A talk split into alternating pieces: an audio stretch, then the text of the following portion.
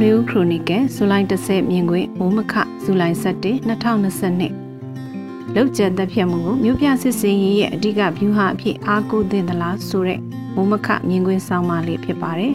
။လောက်ကျန်သက်ဖြတ်မှုကိုမြို့ပြစစ်စင်ရေးရဲ့အဓိကဗျူဟာအဖြစ်အားကိုးသင့်သလား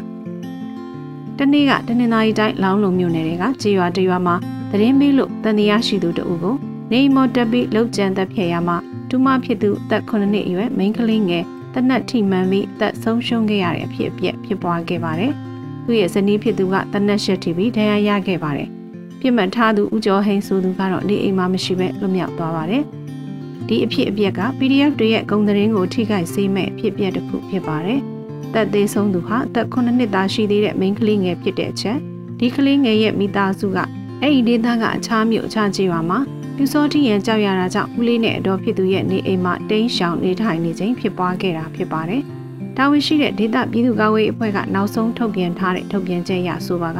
နေအိမ်ထဲဝင်ရောက်ပြီးအတွင်းမှာရှိနေတယ်လို့ယူဆတဲ့သတင်းတွေကိုပြစ်ခတ်ရမှာအတွင်းမှာရှိနေသူဇနီးနဲ့တူမတို့တနက်ဒဏ်ရာရခဲ့တာလို့ဆိုပါတယ်။ကလေးဖြစ်သူတနက်ဒဏ်ရာကချက်ချင်းသေဆုံးနိုင်တဲ့ဒဏ်ရာမဟုတ်တော့လေ။အချိန်မီဆေးရုံစီကမပို့ဆောင်နိုင်တာကြောင့်အသက်ဆုံးရှုံးခဲ့ရတယ်လို့ဆိုပါတယ်။ စစ်ကောင်စီရဲ့တရင်ပေတွေတောက်တိုင်းလို့ခေါ်ဆိုတဲ့ရက်ကြီးအုပ်ချုပ်ရေးမှုနဲ့ရအိမ်မှုတွေစီရီယံမလုပ်တဲ့ဝန်ထမ်းချုပ်ကိုပြင်ပထားပြီးလုံခြံသက်ဖြစ်တဲ့မဟာဖြူဟာကတကယ်နဲ့နိုင်ငံရေးရမှန်ကန်ရဲ့လားဆိုတာပြန်သုံးသပ်သိပြီလို့ယူဆမိပါတယ်။လက်နက်ကိုင်းတပ်ဖွဲ့မဟုတ်တဲ့စီရေးပြစ်မှတ်မဟုတ်တဲ့ရဲသားတွေကိုပြစ်မှတ်ထားလုံခြံသက်ဖြစ်တာဟာနိုင်ငံရေးအရာအကြောက်တရားကိုဖန်တီးတာမျိုးဖြစ်လို့ဥတီချက်ပန်းနိုင်ဖြစ်တဲ့ဒီမိုကရေစီအရေးကိုကြီးမားစွာထိခိုက်စေမှာဖြစ်ပါတယ်။ ဒီလိုသတင်းပေးတွေကြောင့်တော်လရေးတပ်ဖွဲ့ဝင်တွေပျောက်ကြားတွေထောက်ခံသူတွေဖမ်းဆီးတပ်ဖြတ်ခံနေရတယ်ဆိုတဲ့ကောက်ချက်ဆွဲယူခြင်းကလည်းအချိန်ဒီတိုင်းမှာမှန်ကန်မှုမရှိနိုင်ပဲစင်ကြေပေးခြင်းသို့မဟုတ်အယက်သားပြစ်မှတ်က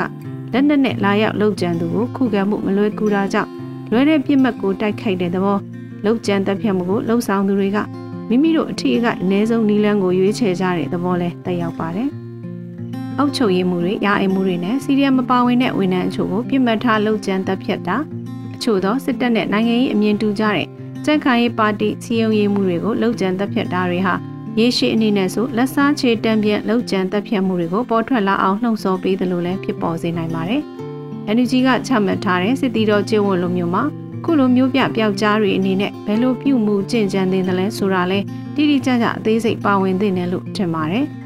စစ်မြေပြင်မှာလက်နက်ကိုင်းတပ်ဖွဲ့ကတာဝန်ထမ်းဆောင်စဉ်မှာပြစ်ခတ်တာတပ်ဖြတ်တာဟာစီးရေးရီမန်းချက်တနည်းနိုင်ငံရေးရီမန်းချက်အတွက်လက်နက်နဲ့လှုပ်ဆောင်ကြတာဖြစ်ပြီးခုလိုနေအိမ်မှာနေထိုင်စဉ်လမ်းသွားလာစဉ်လက်နက်ကိုင်းတပ်ဖွဲ့ဝင်မဟုတ်သူတွေကိုမျက်ကွယ်မှာတည်တံစီရင်မိတပ်ဖြတ်တာမျိုးကနိုင်ငံတကာတရားဥပဒေတွေနဲ့လည်းကိုက်ညီမှုမရှိပါဘူးအချို့ကဒီလိုရက်ကိုမိမိကိုယ်ကိုကာကွယ်ပိုင်ခွင့်အရာလှုပ်ကြံခွင့်ရှိတယ်ဆိုတာမျိုးစင်ကြေးပေးကြတာလည်းရှိပေမဲ့ပြစ်မှတ်ထားတပ်ဖြတ်ခံရသူက လက်နက်ကိုင်းတပ်ဖွဲ့ဝင်မဟုတ်တယ်လို့ပြစ်ခတ်တပ်ဖြတ်စင်မှာဘာလက်နက်မှမရှိဘာဖြစ်ရှင်းခွင့်မှမရှိပဲတေးတန်းစီရင်တယ်လို့ဖြစ်တာမို့တနည်းအားဖြင့်ပြောရင်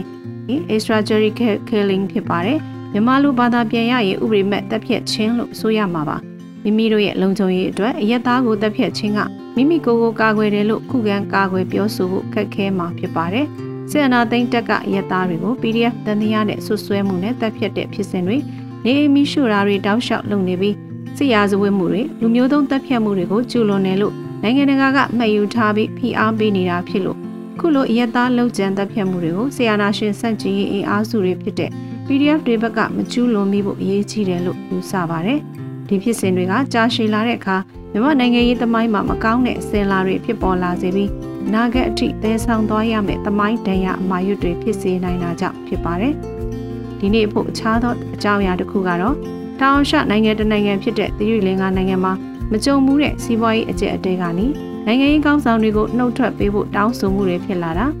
လာနဲ့ချီရှိနေပြီးခေါင်းမာတဲ့သမရရာဂျာဘတ်ဆာက